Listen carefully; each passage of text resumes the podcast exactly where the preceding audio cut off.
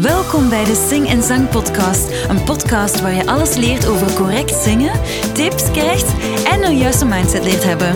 Ik ben Laura Groeseneke, jouw host, en welkom bij mijn podcast. Is de 24e aflevering en ik dacht, ik, ik leg gewoon eens uit waar de naam Sing en Zang vandaan komt, want ik heb dat helemaal nog niet gedaan. Um, voordat we beginnen wil ik even zeggen dat deze podcast gesponsord wordt door mijn online cursus die ik binnenkort ga lanceren. En hij zal starten met zingen heten in plaats van beter zingen. Ik ben van gedacht veranderd.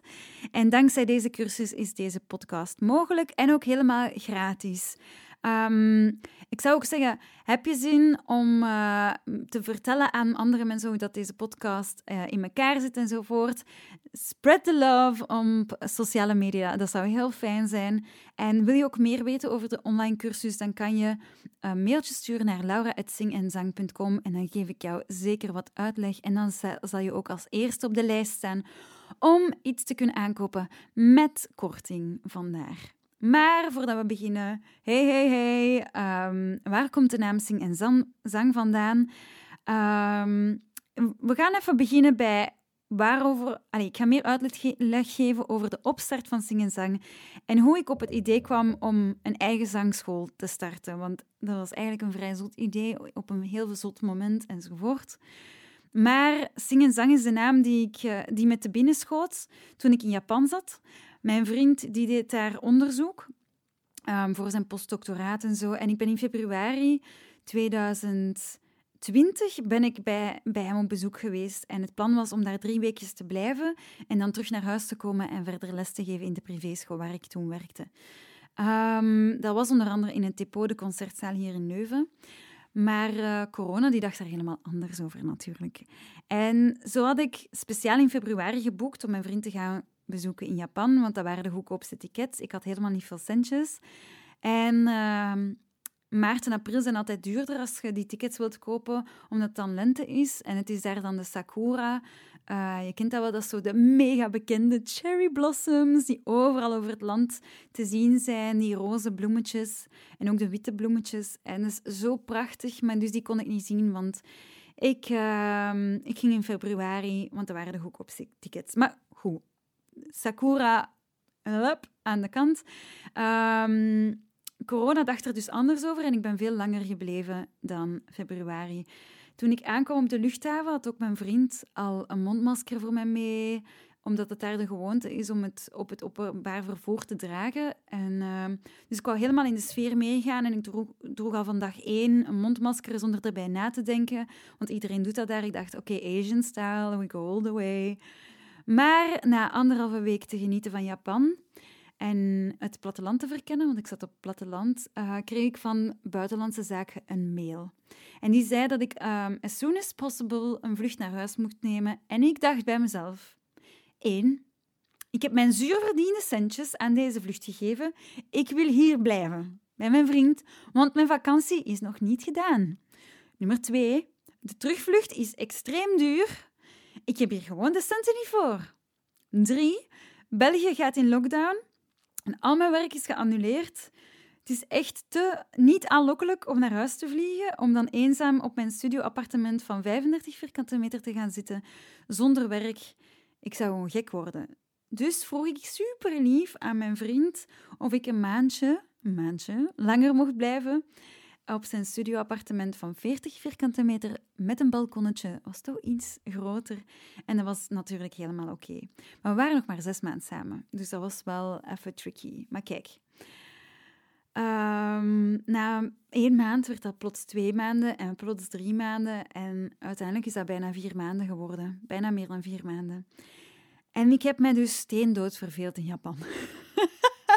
Omdat normaal gezien had ik ook afgesproken met een vriendin die ging afkomen. Dat ging helemaal niet. Um, ik heb mij gewoon kapot verveeld in Japan. Alles was in lockdown. Ik zat gelukkig dicht bij de zee, dus ik kon wel af en toe naar daar gaan en uitwaaien met mijn uh, krakkemikkelig fietsje dat ik had gevonden daar. Maar het was echt het platteland. En we zaten op een campus van een universiteit en die was ondertussen ook gesloten. Dus wat doe je dan? Hm? Ehm, ik heb mij steendood verveeld en ik wist niet wanneer ik naar huis kon. En ik miste ondertussen super hard mijn ouders, mijn zus, mijn vrienden. En ook door het tijdsverschil werd dat nog erger en erger. En ik stond op als het middernacht was in België en dan om vier uur in de middag in de namiddag, Belgische tijd, dan ging ik slapen. Dus ik telde echt af tot het 15 uur was in Japan. Zodat ik met mijn ouders een keer kon facetimen tijdens hun ontbijt. En dan waren die nog zo helemaal in ochtendmoed en totaal niet geïnteresseerd. maar ik was zo lonely. Um, maar dus, ja, wat doet je? Oeps, sorry, dat is uh, mijn iPadje dat te dicht bij de microfoon kwam. Maar dus, wat doe je? Ik begon een zangschool, omdat ik niks van lessen daar ook kon geven. Ik, ik, ik begon een zangschool en ik bouwde dus mijn huidige website met Wix en ik uh, zocht naar een naam.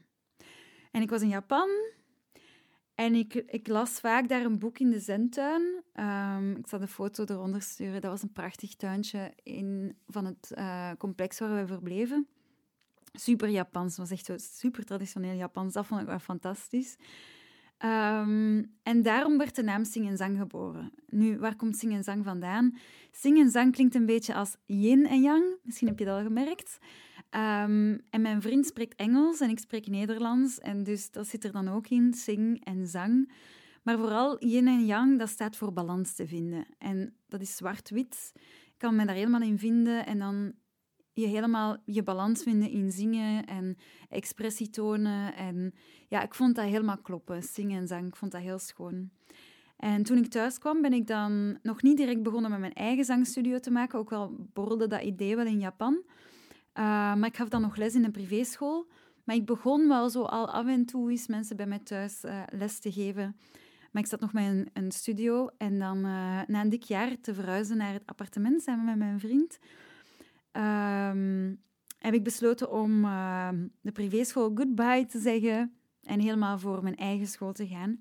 En dus sinds september 2022 ben ik super kei trots dat ik volledig zelfstandige ben als zangcoach. En um, ja, ik zeg het, ik ben er dus eigenlijk super trots op. Dat, is veel sneller gegaan dan ik dacht. En dat is basically het verhaal achter mijn zangschool. Ik hoop dat je een leuke naam vindt. Vind je deze podcast ook handig? Uh, en vind je het fijn om wekelijks te luisteren naar verhalen en informatie over zingen? Dan uh, kan je mij absoluut helpen, please. Door af en toe te delen op sociale media. Um, en te laten zien dat je luistert. Dat zou me heel veel plezier doen. Dan uh, kan het aantal luisteraars misschien ook nog groeien. Dat zou super cool zijn. En trouwens, heb je zin om te leren zingen? Uh, dat kan tijdens een zangles en dan leg ik je exact uit hoe je dat allemaal moet doen, hoe je opwarmingen makkelijk onder de knie, krijgt. Aan de hand van oefeningen. Heb je zin gekregen om te zingen? Begint het te kriebelen? Maak dan online een afspraak voor een gratis proefcoaching van 15 minuten. En dat kan je doen op zingenzang.com slash boekstreepje-online. En dan kan je kijken of ik de geschikte vocalcoach voor jou ben en wat je van zangles allemaal kan verwachten. Goed? Um, ik vertrek dit weekend op vakantie met mijn vriend. Um, ja, dus ik ben zo heel snel nog die podcast aan het opnemen. Maar um, ja, wil je gewoon ook nog bedanken voor altijd te luisteren naar de podcast. Super cool. jullie blijven luisteren, vind ik fantastisch. Dus dank je wel. En tot volgende week. Merci. Bye.